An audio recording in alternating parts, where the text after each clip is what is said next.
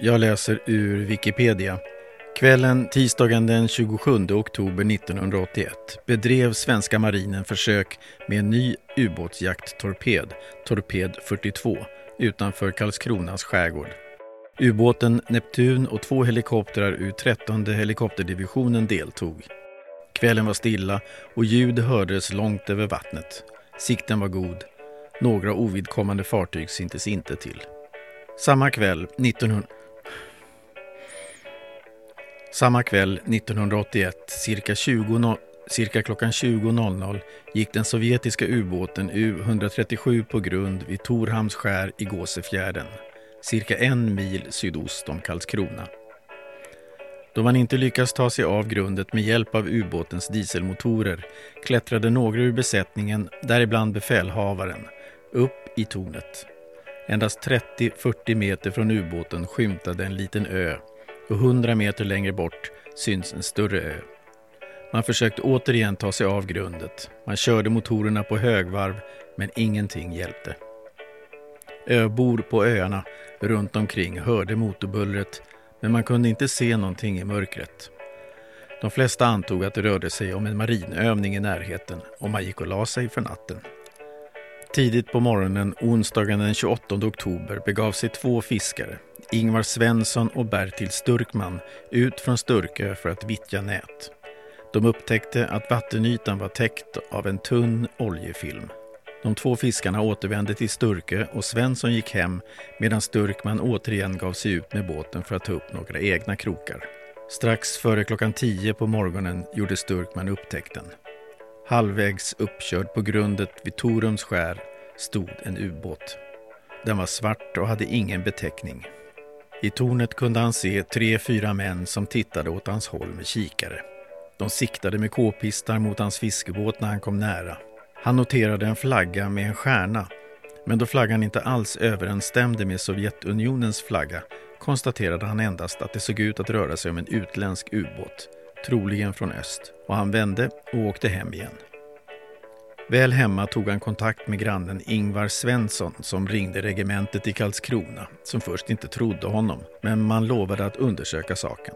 Först två timmar senare hade marinen folk på plats i Gåsefjärden. Vedettbåten Smyge satte fart mot den angivna platsen. Man hade inga större förhoppningar att finna någon grundstött ubåt, men man var ändå tvungen att kontrollera uppgifterna.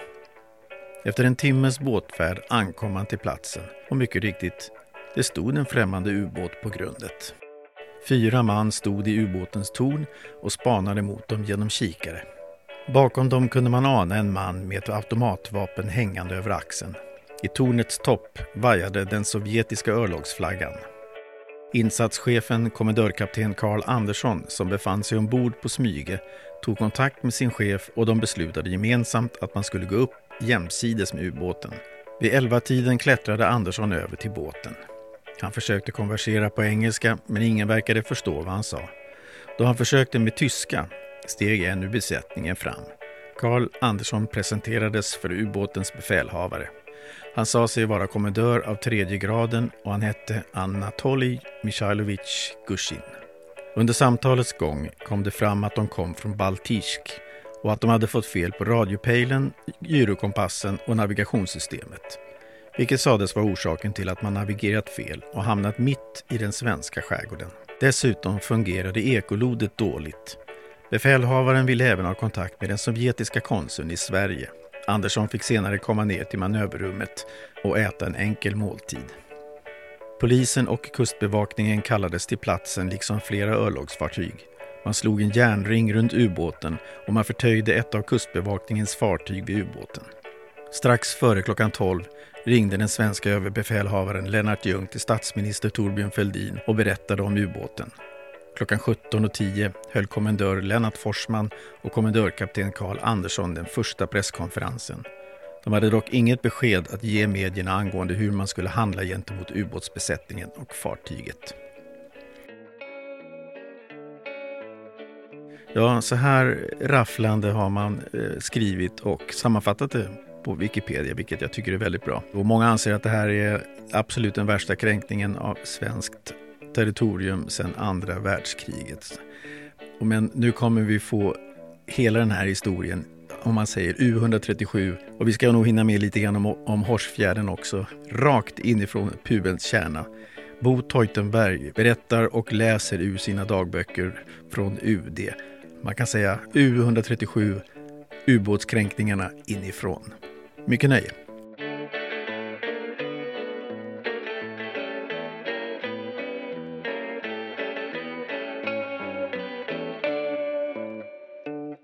Hej och välkomna till ännu ett avsnitt utav Spionpodden. Idag sitter vi i en fantastiskt liten härlig lägenhet eh, och eh, det kvittrar fåglar och rör sig en massa saker utomhus. Ehm, så det får ni ha överseende med. Eh, jag sitter idag med en av våra återkommande gäster, Bo Teutenberg eh, professor emeritus och eh, folkrättssakkunnig, för detta folkrättssakkunnig på UD. Bo, du om någon kan ju det här och har skrivit några fantastiska kapitel och extremt många sidor om det här i dina dagböcker.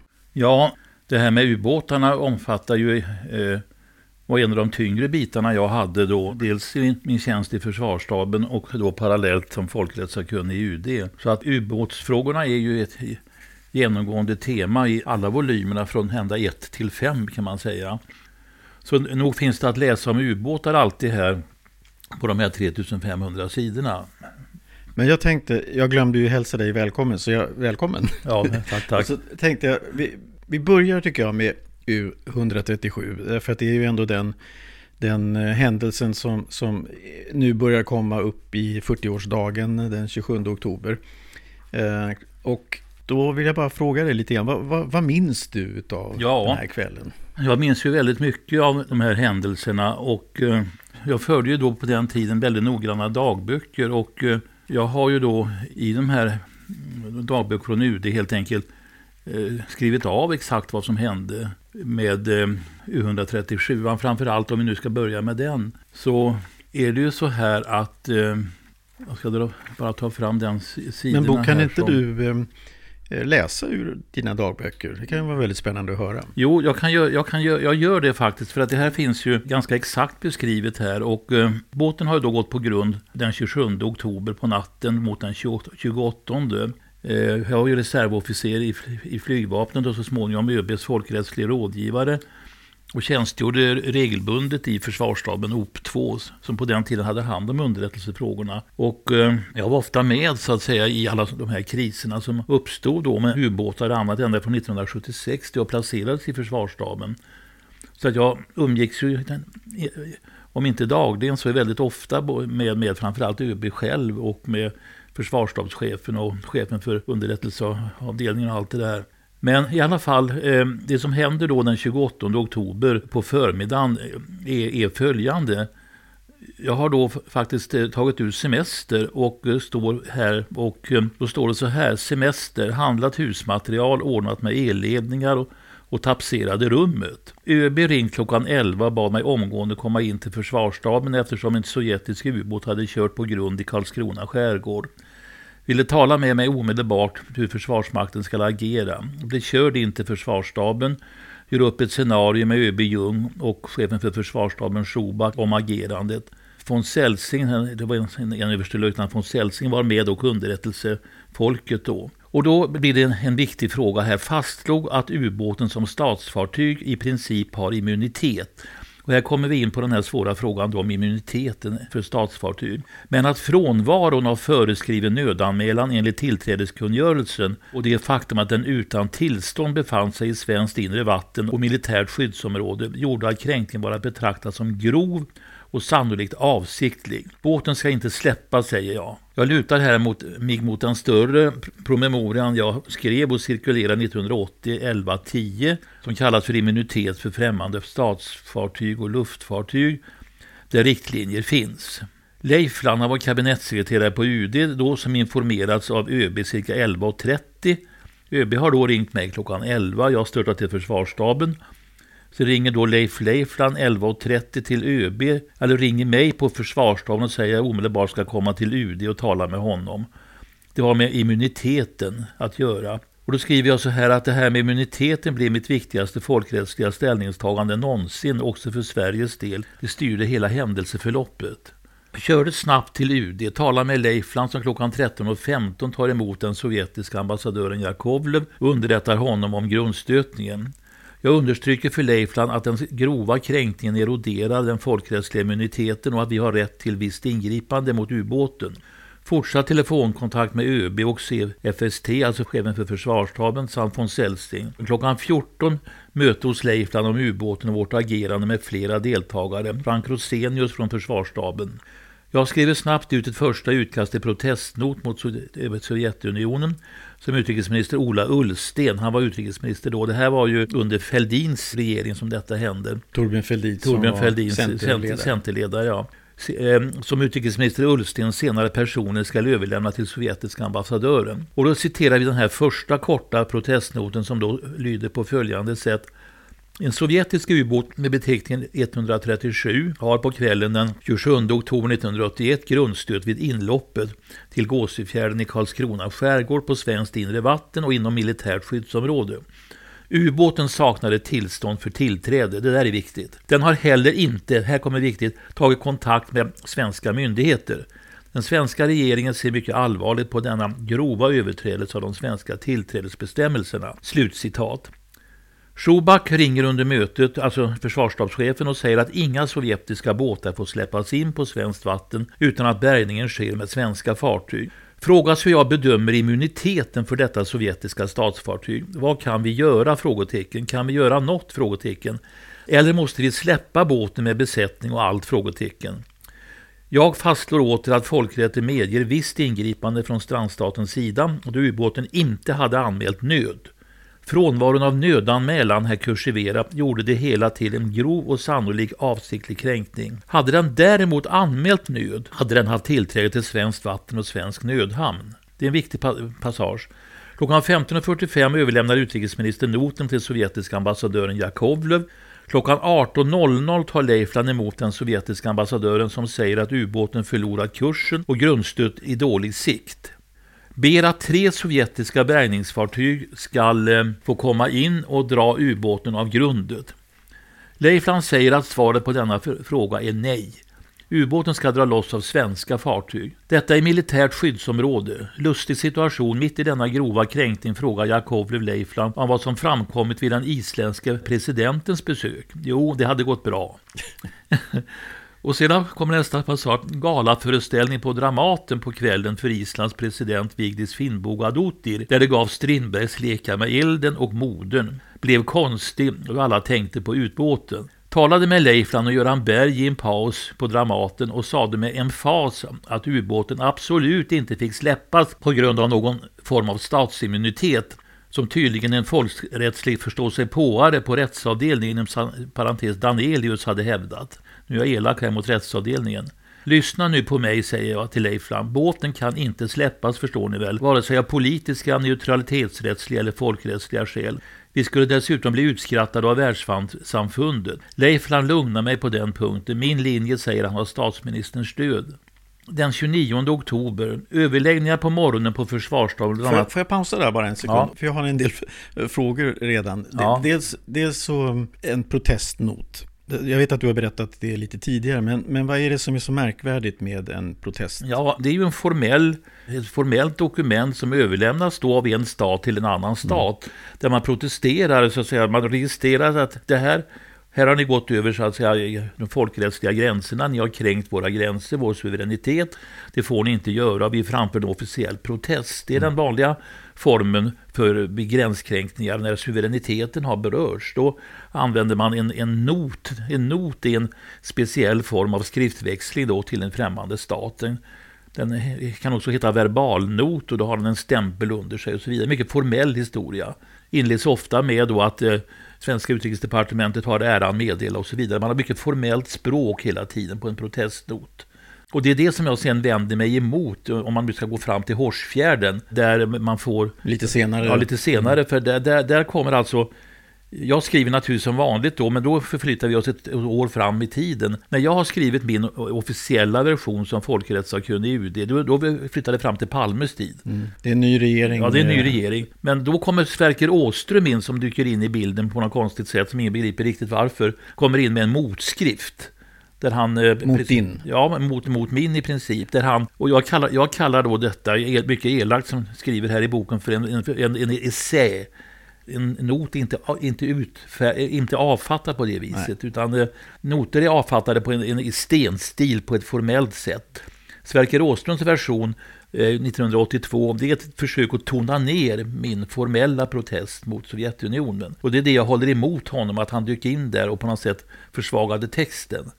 Men det kan vi återkomma till. Ja, det kan vi göra. Och vi har ju pratat om honom tidigare. Ja. Och hans roll som eventuell KGB-spion. Men bara en fråga till. Eh, ubåten står ju väldigt högt upp på land. Eh, ja. Den har inte försökt att skicka några nödsignaler och man säger att, att man inte ska släppa ubåten.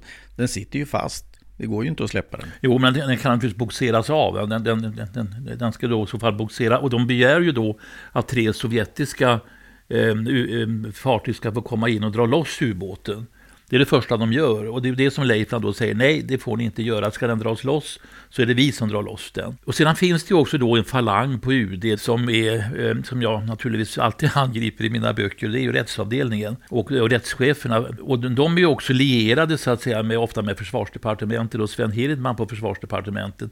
Och de har alltså en annan syn på Sovjetunionen, att man ska liksom inte gå så hårt fram emot dem och det fanns alltså en falang på UD som ville släppa ubåten med full statsimmunitet. Och det är väl därför antagligen som ÖB kallar upp mig klockan 11 redan.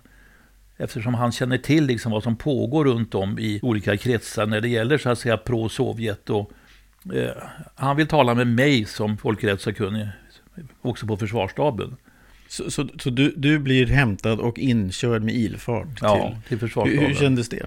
Ja, det var ju inte första gången. Det var, var, jag var ju ofta ilfart dit, så det var inget konstigt med det. Men berätta för, för en som inte vet hur UD fungerar, eller försvarsstaben. Varför begär, eller varför vill UD, eller överbefälhavaren, ha din hjälp så snabbt? Bara för att jag tjänstgjorde på försvarsstaben på den tiden, av och till, i oregelbundna former, eller ganska regelbundna former. Jag var deras eh, Eh, de facto eh, folkrättsjurist som dök in då och hjälpte till med att eh, driva frågorna exempelvis om utvidgningen av svenska territorialhavet. Det kom 1979 under min tid som folkrättssakkunnig. Och eh, jag vidtog ju ett antal åtgärder som då var kombinerade mellan försvarsstaben och UD och regeringen.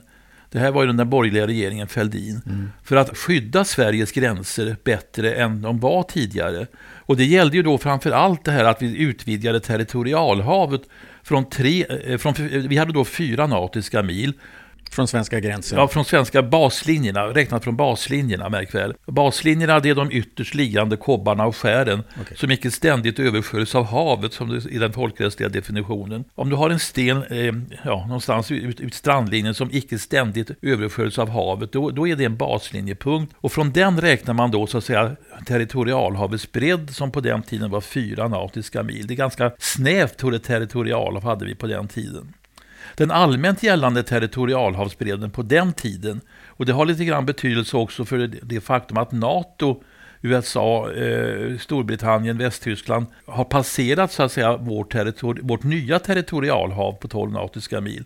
Men det var så att de anglosaxiska länderna hade tre nautiska mil bara. Och sedan då blir det en rush ut i havet där många stater på grund av ja, man vill skydda fisket och miljön och annat. Så att någon gång på 70-talet så blir det alltså en rush ut i havet där man då vidgar territorialhaven utöver de tre nautiska milen. Vi hade redan från början haft fyra nautiska mil. Redan det var kontroversiellt då från de anglosaxiska länderna sett. Men när vi sedan den 1 juli 1979 då var jag folkrättssakkunnig på UD, driver fram att vi ska utvidga det svenska territorialhavet till 12 nautiska mil.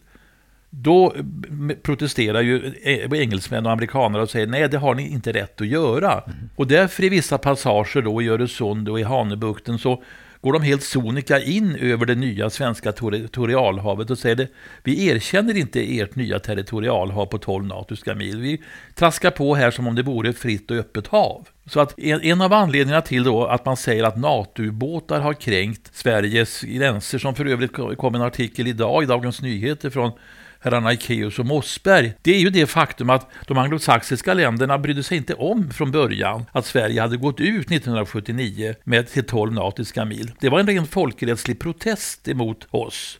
Och jag var över i State Department flera gånger som folkrättssakkunnig och um, sa till amerikanerna att nu får ni ta mig 17 avstå från att kränka oss medvetet. För att om ni kränker oss och går igenom vårt territorialhav, framförallt då det gäller sunden och, och, och Hanöbukten, då gör ju ryssarna det också. Så, så, ni gör oss en otjänst genom att hela tiden då hävda att inte vi har rätt att gå ut i 12 nautiska mil.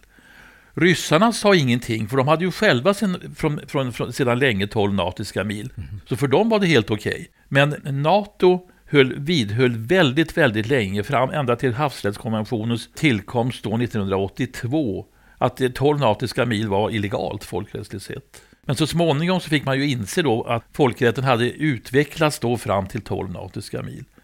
Så det, det, det, är viktigt att ha det i, i, i, tankarna att från början så var det en, en, en, en protest mot Sverige för att vi hade gått ut i 12 nautiska mil. Men jag hade drivit den frågan som folkrättssakkunnig tillsammans med försvarsstaben. Och på den tiden hade vi då Fälldin eh, som var mycket intresserad av det här med säkerhetsfrågor. Och vi hade flera föredragningar för Fälldin och eh, försvarsministern var ju Torsten Gustafsson på den tiden. Så att Centern på den tiden drev alltså de här säkerhetsfrågorna väldigt mycket. Mm. Och till det kommer också helt enkelt då att vi gjorde också en, en nyutgåva av den här så kallade IKFN. Ja, det är en instruktion för Försvarsmakten. Men i alla fall, vi fick en ny IKFN-förordning och vi fick en ny tillträdesförordning.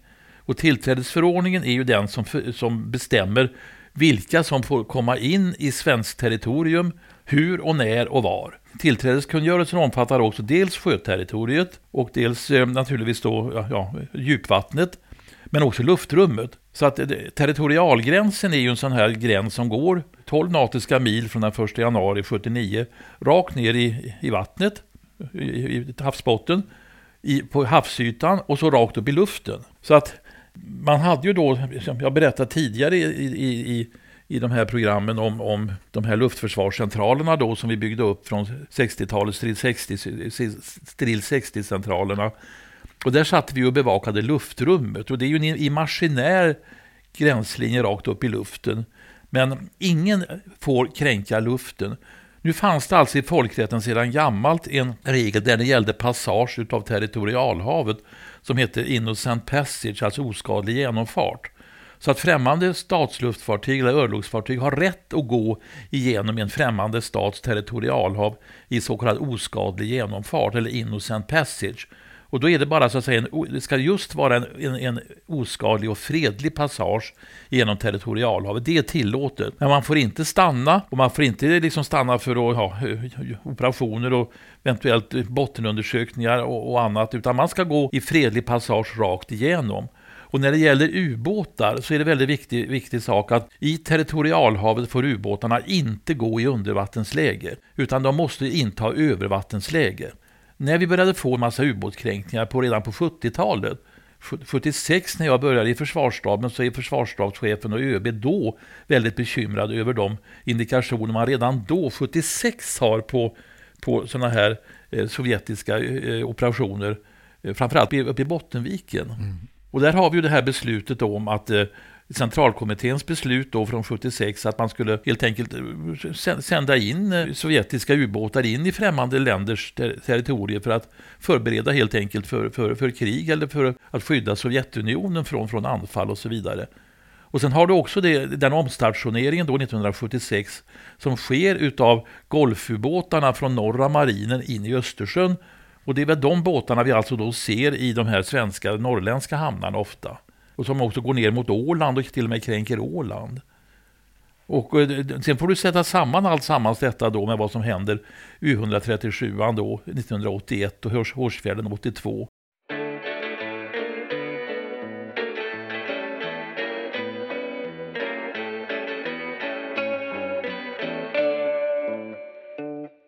Och nu fortsätter intervjun med professor emeritus Bo Teutenberg och om hans unika inblick som folkrättssakkunnig på UD. Hoten under ytan.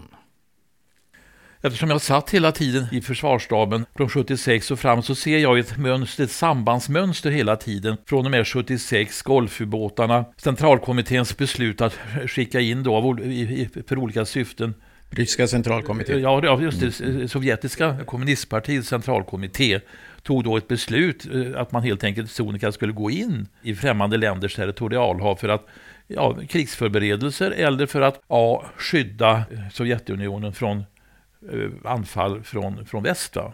Och där kom vi så småningom in på den här, den här kvalificerade eh, underrättelse och anfallsoperationen som heter Rajan, som jag hela tiden pratar om. Ja.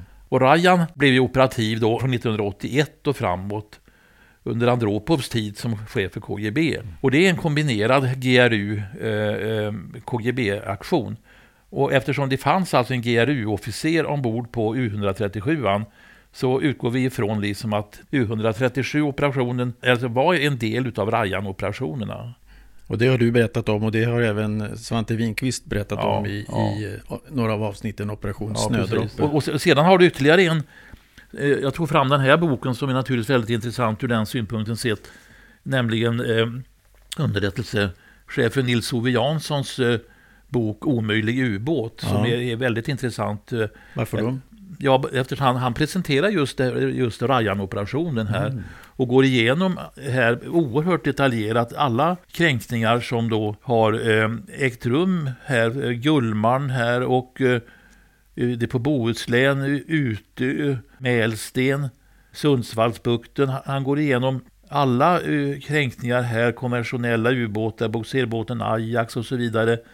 Nils-Ove Jansson var ju alltså då chef för försvarsstabens underrättelseavdelning här. Han har analyserat VP marinstridskrafter, varit chef för försvarsstabens underrättelseavdelning. Under åren 92-95 var han chef för ÖBs underrättelse och säkerhetskontor och ställföreträdande chef för MUST till och med. Kommendör av första, av första graden. Men nu verkar det ju ändå som att både SVT och deras eh, dokumentär Under ytan och Ekeus Mossberg verkar ju säga verkar det som att det inte alls har funnits några ryska ubåtar. Ja, det är ju så att även det här programmet, nu hoppar vi lite grann här, jag hade tänkt fortsätta att läsa lite grann. Men vi kan nu. gå tillbaka till, till, det där alldeles strax. Vi, ja. För nu har du ändå pratat om den här boken och här ja. pratar vi om en högt uppsatt militär som jobbar med underrättelsetjänsten och, och som hävdar att det har funnits ryska ubåtar. Och sen så finns det andra människor som säger att det inte gör det. Vad, vad, hur kommer det sig att det har blivit en sån otroligt stor eh, diskrepans? Ja, det, det, det är otroligt. Alltså jag sätter ju samman detta helt enkelt med min käpphäst och som var en av anledningarna till att jag avgår i, som folkrättssakkunnig efter ett decennium. Är alltså den ryska infiltrationen. Mm. På UD? Ja, på UD och annorstädes. Det, det, jag hävdar alltså med bestämdhet att vi hade en... Samtidigt med att ryssarna av olika skäl, om det nu var enligt Ryan-konceptet eller något annat, släpper loss sina ubåtar in i svenska vatten, så lanserar man också en, en, en oerhört kraftig infiltrations och desinformationskampanj. Eh, det är ju så underrättelsetjänsten KGB och dess efterföljare FSB och SVR arbetar, precis som Stasi liksom alla de andra eh, östliga underrättelseavdelningarna. Och som ju hade här i Stockholm ett eldorado med eh, underrättelsefolk där de så kallade residenterna eh, var cheferna då för respektive underrättelseavdelning. Och speciellt då den sovjetiska eller ryska underrättelseavdelningen KGB var ju en oerhört mäktig inrättning här i Sverige med ett enormt antal anställda personaler som då lydde under residenten. Men som då formellt sett var an anmälda som kanske pressattaché eller förste sekreterare eller något sånt där. Så att det gäller att begripa så att säga eh, underrättelsevärldens system att påverka andra stater och det där fick jag lära mig från första början när jag började i flygvapnet och sedermera i försvarsstabens operationsavdelning 2. Som ju då var där det började. Sedan blev det så att säga eh, OP 5 och det blev också MUST så småningom.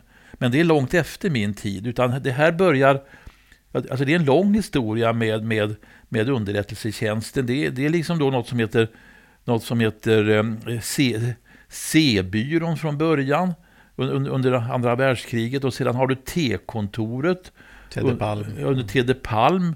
Och sedan har du då IB under socialdemokraten Birger Elmer som då är kompis med Olof Palme för övrigt. Och jag återkommer ju igen till det jag sagt tidigare här att Olof Palme börjar ju sin bana som eh, eh, löjtnant i kavalleriet och är då också underrättelseofficer i försvarsstaben. På början på 50-talet så sitter ju Elmer och Palme i försvarsstaben. Och Palme blir ju till och med formellt sett 1952, tror jag, eh, förste kanslisekreterare eller byråsekreterare i försvarsstabens underrättelseavdelning. Mm. Så Palme har ju alltså en underrättelsebakgrund tillsammans med Birger Elmer.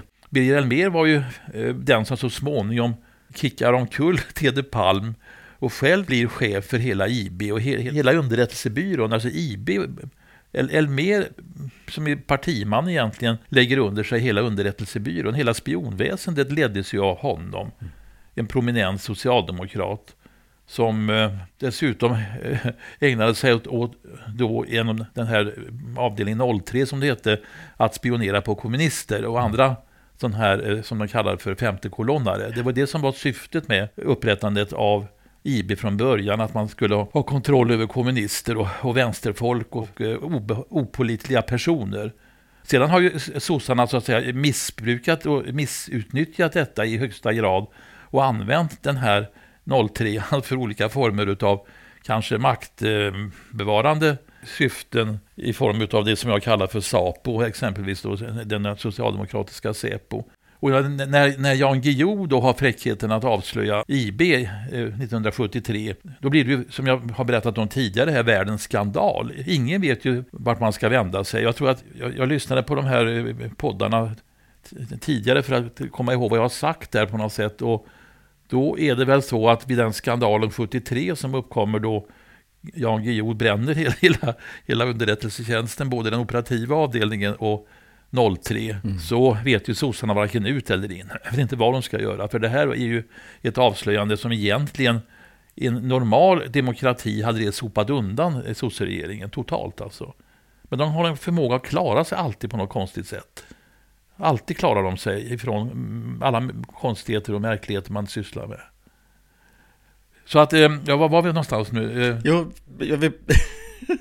var var vi? Vi, vi, vi var på eh, territorialvattnet, vi ja, upp och ner. Men, men U137 ligger ju på grund. Den har ju uppenbarligen kränkt alla möjliga territorialvatten och eh, samtidigt, bara, samtidigt faktiskt, nästan som att den här går på grund, så håller svenska marinen på med försök med den nya ubåtsjakttorpeden. Eh, inte långt därifrån. Så, så är, det, kan, det, det, måste väl finnas något typ av sammanhang här, något samband? Ja, det är klart att det finns ett sammanhang, men, men samtidigt är det också så att, att U137 han har alltså ett eget, alldeles eget, eh, eget syfte, ett eget program mm. som den ska utföra. Och eh, sedan så går det alltså fel naturligtvis. Man, man hade, hade ju inte tänkt sig att gå upp på grund, det hade man ju inte gjort. Men man hade alltså, enligt, enligt vår underrättelsetjänst så småningom här, som jag också redogör för, så, så vet vi exakt deras så att säga, operationsprogram, vad det var de sysslade med och exakt vad de skulle göra. Det, det vet vi alltså helt enkelt och jag har tagit in det. Vad var det då? Ja, det är det, det, det är alltså ut, utprovning utav, utav nya, utav nya eh, sovjetiska eh, torpeder och, och kärnvapentorpeder och liknande. Man, man vet i princip exakt vad de, vad de, vad de var ute hade för syfte med den här operationen. Och det finns alltså med i redogörelsen som jag har här. Det här var en avsiktlig kränkning. Man, man, naturligtvis hade man inte tänkt sig att man skulle gå upp på grundet. Men den hade alltså så att säga underrättelsesyften med att gå in i området. Mm. Och det finns beskrivet då i de här vad vi i efterhand har fått fram via, via mycket kvalificerade underrättelserapporter. Men de här underrättelserapporterna och liknande som vi alltså baserade oss på, det finns ofta inte med i de här eh, utredningarna. Det finns inte med i exempelvis Ekeus utredning. Det finns inte med i 1995 års utredning. Och det finns inte med i några utredningar alls egentligen. Va, varför då? Ja, alltså jag, jag ser ju egentligen det. Eftersom jag lämnade 1987 och lämnade definitivt Sverige 88. Jag, jag är ledsen att säga det här, men, men alltså styrningen och influensen från de öststatliga underrättelsetjänsterna var så, så oerhört stark från och med 68-rörelsen.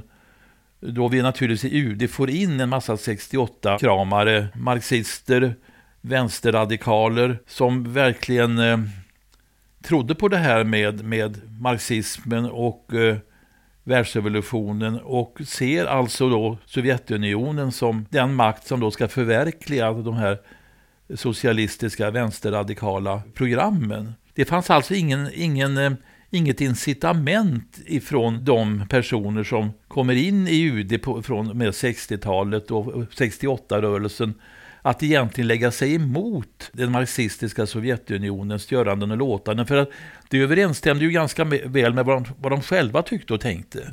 Det var ju del av, del av deras eget program.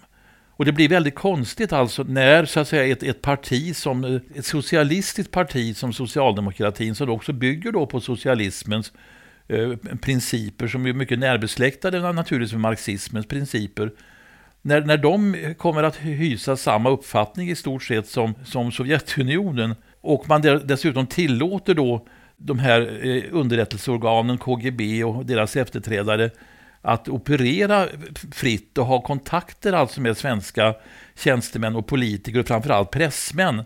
Då blir det ju en effekt där man dels har en intern infiltration in i, i dels i socialdemokratiska partiet men också i regeringen på UD. Och dessutom då har vi så att säga ett tryck från, också från pressen för att väldigt många utav framförallt vänsterpressens chefredaktörer och andra så att säga var helt enkelt bekännande socialister snedstreck marxister.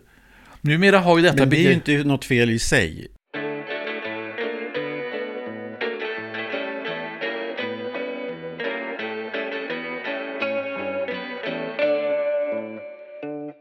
Men, men, men du pratar ju om att de har kontakt, att de fick fritt ha kontakt med KGB till exempel. Hur då? Ja, alltså KGB har ju mycket sofistikerade metoder för att påverka människor. Mm. Och eh, där har man ju också då olika sätt att eh, kompromettera folk som de försöker att få över då som olika former av agenter eller det finns olika typer av agenter. Man, man går, går ju sakta uppåt då från så att säga kontakter och så småningom så att säga hemlig kontakt och så småningom kanske då en formell kontakt som då har ett, ett, ett KGB-namn, typ liksom Getingen och Solstickan och alla sådana där saker. Detta finns för övrigt väldigt väl beskrivet i den här eh, boken som kom ut alldeles nyligen här i Nor Norge. Där eh, en känd norsk författare, Alf Jakobsen, kom ut med en bok, jag har den för övrigt här, mm. som heter eh, Stalins lakejer eller något sånt där. Mm. Och, och, där, där analyserar han alltså precis på, på samma sätt som jag analyserar eh, socialdemokratiska partiets svårigheter att hålla gränsen klar emot eh, KGB-infiltrationen så skildrar han precis parallellmässigt samma svårigheter som AP, alltså Arbeiderpartiet, hade med KGB och eh, det, det, är en, det, är en, skrämmande läsning när man lägger samman detta med vad jag skriver. För att det är precis samma typ av operationer. Alltså, det, det går ju till så att de nu, nutida eh, KGB-företrädarna är, är, ju inte några sådana här eh, femtidningsagenter eh, som står med en trenchcoat under en lykta och, och, och, och träffas allting. Utan det sker ju på ett oerhört sofistikerat sätt med eh, kanske en passant-kontakter och sedan så försöker man snärja upp någon person, man går vidare, kan du kanske kan ta fram eh, några eh, vanliga enkla uppgifter ur någon telefonkatalog till kanske amerikanska ambassaden eller till, till någon, någon militärförläggning eller, eller hur, hur är det nu, var bor du någonstans? Men det var ju väldigt vanligt att de här agenterna så att säga, på, på min tid kartlade exempelvis var flygvapnets piloter bodde. Man åkte runt då i, under olika förevändningar då för att kartlägga var Försvarsmaktens personal bodde.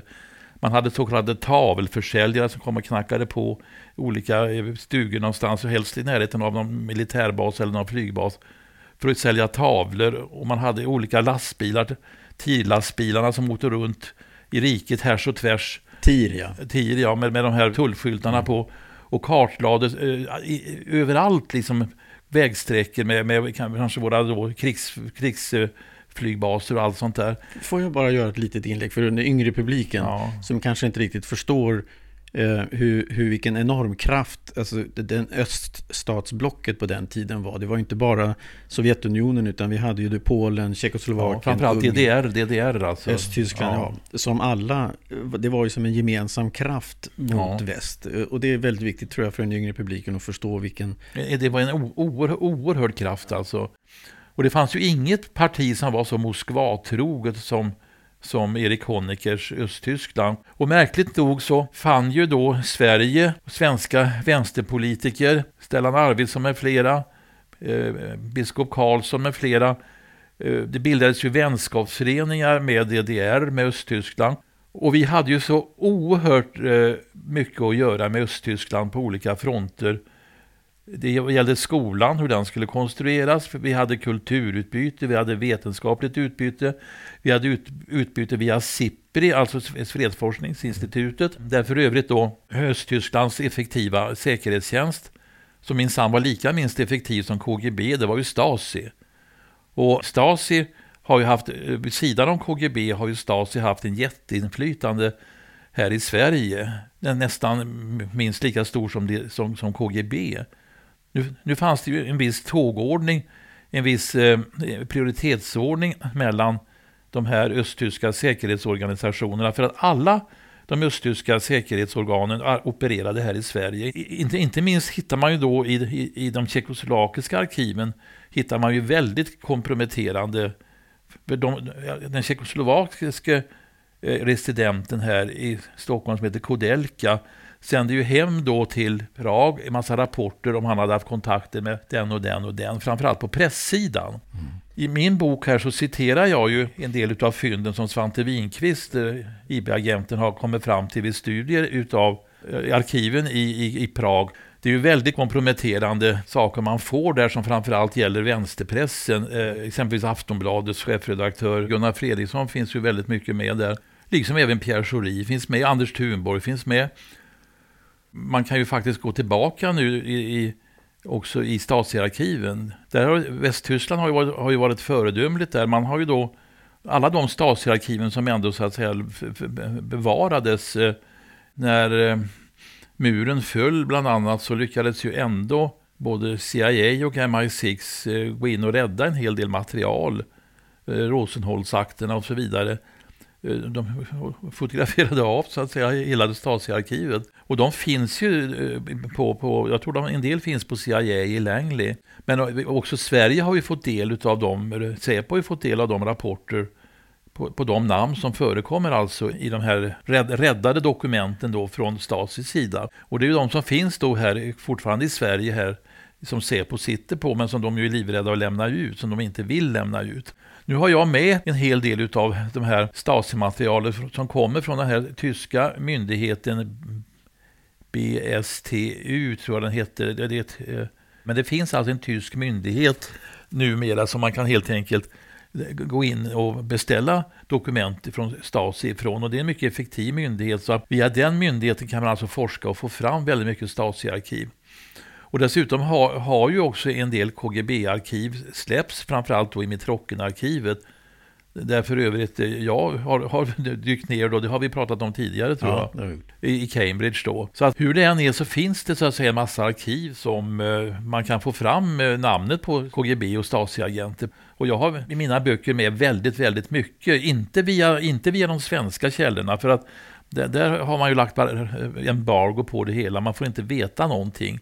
Men jag har ju tillsammans med Svante Winqvist gått igenom DDR-källorna. Mm. Jag har till och med varit där nere 2015 och pratat med Stasi-forskare. Och jag avslöjar en hel del olika namn som framförallt har med, med, med infiltrationen av SIPRI att göra. För att mm. DDR hade av någon underlig anledning väldigt stort intresse av SIPRI, alltså svenska fredsforskningsinstitutet som sysslade med kärnvapennedrustning och kärnvapenfrågor. Och det här med kärnvapenfria zoner och sånt där. Så att väldigt, väldigt mycket aktiviteter kring SIPRI var ju kända utav Stasi och den vägen av KGB. Och det lustiga är ju, inte alls lustigt för övrigt, men de herrar som vi alltså ser aktiva nu i Sverige, bland annat författaren då till den här dagens artikel om NATO-ubåtar, Rolf Ekéus. För detta ambassadör? Ja, han är ju något äldre än vad jag är. Men jag är 80 år snart, han är väl 85. Men redan då, när jag kommer in på UD 66, så möter man ju det här det så kallade vänsterkotteriet. Det var alltså en grupp med eh, med eh, dedicerade ska jag säga, socialister, marxister som drev sina marxistiska teser oerhört hårt. Och det, det, beskriver jag också här i dagbok från UD. Och det var ju Jean-Christophe Öberg och det var Rolf Ekéus. Och han var till och med ledare för, för, för, för vänsterkotteriet. Och det är den mannen man nu har gjort då till utredare av ubåtsfrågorna. Och, eh, men det gör man ja, ju... Ja, det är 2001 så får han... 2001 får, får han det, men hur, han får alltså ensam rätt att, ja. att göra en ubåtskommission. Hur, hur kommer det sig? Ja, det kan jag ju fråga mig också. Alltså det, det, det är ju någonting som jag eh, säger här i mina dagböcker. Det här, det här är ju fullständigt galet. att Det fanns alltså det som kallas för vänsterkotteriet på UD. Mm. Som var ett oerhört aggressivt gäng då med framförallt Jean-Christophe Öberg och Rolf Ekéus, Pierre Schori, Jan Eliasson, Ulf Svensson, Peter Landelius. Det finns en hel del namn där som ville reformera UD och inte ha det till det här tröga ämbetsmannainstitutionen som det trots allt var mm. med de gamla attachéerna som då togs in. Jag ska för övrigt nämna det att jag är bland de sista attachéerna som antogs då enligt den gamla attachékungörelsen mm. 1919. Jag har aldrig varit aspirant i UD utan jag kom in som attaché och förväntades då så jag kunde allting redan då. Man gjorde ju då förändringen på mitten på 60-talet att man skulle bredda rekryteringen mm. till UD. Och då inför man det här aspirantsystemet. Det innebär att man tar in folk då, som man skulle bredda så att säga antagandet i UD. Eh, utöver de eh, traditionella kretsar varifrån UD-män då vanligen togs tidigare. Och det där har väl inte gått så bra egentligen, för att där, därmed började ju så att säga den politiska infiltrationen. Jag är ledsen att säga det. Många av mina kollegor här kommer att bli utförbannade på mig för jag säger det. Men trots allt så börjar det då. Och man får då ett, aktivi ett aktivistgäng som driver vänsterpolitik, marxistpolitik. Som naturligtvis då också lyssnar på eh, KGB och de diplomater som sitter här och halvt om halvt då lite skymt representerar naturligtvis Sovjetmakten i olika lägen. Och det kan ju i och för sig ha varit så att säga helt oskyldiga samtal. Man blir bjuden på lunch med någon och så kanske man eh, intensifierar samarbetet på olika sätt. Men alltså det, det är hela skalan utav, utav kontakter som också då den här norske författaren Jakobsen beskriver att eh, man gjorde ju då en poäng utav från KGBs och FSBs sida att ha regelbundna lunchkontakter och annat med makthavare. Framförallt då på den ideologiska sidan där man då kände man att man hade lite samhörighet. Va? Men, men det förekom ju även om man tittar på dina, i dina dagböcker om, om Solman och, och, och um, Sverker Åström. Ja. Det var ju långt tidigare. Så det, jo, ja, det, det, det, här, även då. Det, här, det här är lång tid, det ska man ju säga det att alltså den in, in, inverkan och påverkan från Sovjetunionen mot Sverige, det började ju redan med, redan med Lenin. Jag menar, Sverige var ju Lenins eh, draghjälp i, i, i revolutionens genomförande. Det är genom Sverige Lenin förs i sin järnvägsvagn ifrån Schweiz via Torneå, förs in den vägen via Finland och sen till revolutionen då i Ryssland där han då tar ledningen för bolsjevikerna. Och det beskrivs ju då även i mina dagböcker här och liksom i den här intressanta böckerna som har utkommit nu ganska nyligen. Det Fredrik Malm heter han väl som har skrivit den här boken eh, om Naftasyndikatet, eh, eh Nafta-syndikatet tror jag den heter. Nafta-syndikatet det var ju på den tiden en, en, en bensinstationer då som sålde rysk olja och bensin. Och det där var ju då ryssarnas sätt eh, på samma sätt som de har gjort senare så kunde man penetrera hela Sverige med att upprätta då exempelvis bensinstationer här och var. Och det där låg under det svenska kommunistpartiets ledning. Så det var en av de stora inkomstkällorna man hade. Och i den här boken då om NAFTA-syndikatet så beskrivs det då hur det svenska, eh, den radikala delen av det svenska socialdemokratiska partiet, alltså arbetarrörelsen i början på 1900-talet, det var ju en enda eh, arbetarrörelse som då i princip var det socialdemokratiska partiet, men hur den då den ena kanten radikaliseras och det leder ju då fram till partisprängningen 1917, då det socialdemokratiska partiet ja, blir kvar på sin så att säga, socialdemokratiska linje, medan däremot då kommunistdelen, alltså den radikala delen, det är ju det som blir Sveriges kommunistiska parti. Och det är det som är alltså vänstern idag. Det är precis det, det, det kommer ur, ur partisprängningen 1917. Så att från början så är alltså då socialdemokratin och nuvarande vänstern ett och samma parti. 1917 så sprängs det hela, men ändå så ser man ju hur även den traditionella socialdemokratin under Hjalmar Brantings ledning är oerhört positivt inställda till Lenin och hans revolution och vill att den ska lyckas och hjälper då till att exempelvis allt det guldet då som Lenin på olika sätt tillskansar sig genom att ja, han, han skjuter folk och sedan smälter man ner guldet, skickar man hit till Sverige och så ligger det guldreserven här. Så att revolutionen lyckas ju tack vare då att Sverige hjälper Lenin med, med, med västvaluta. Man deponerar så att säga guld här och får västvaluta tillbaka. Det beskrivs i den här boken NAFTA-syndikatet. Mm. Jag, jag, måste bara fråga dig när, när du ändå pratar om det här. Jag har hört talas om att det på UD finns ett kassaskåp som är typ det rosa kassaskåpet eller något sånt där. Ja, det kan, det kan jag inte gå in på. Det här var slutet på del 1 av 3 där jag intervjuar professor emeritus Bo Teutenberg. Vi pratar om hans bokserie Dagbok från UD och denna gång handlar det om ubåtar och hotet under ytan. U137 och Horsfjärden. Med tanke på att mycket hände nästan exakt för 40 år sedan kommer del 2 och del 3 mycket snart, det vill jag lova. Vill ni köpa hans dagböcker eller läsa annat, eller rättare sagt mycket mer om Bo Teutenberg och hans märkvärdiga karriär, ska ni gå in på teutenberg.org. Och glöm inte att gå in på Facebook Spionpodden och eller Instagram spion.podden. Där lägger jag som vanligt upp extra material från varje avsnitt. Eller rättare sagt försöker hinna med i alla fall. Tack för att ni lyssnar. Jag heter Mikael Hylin. Tills nästa gång, hej!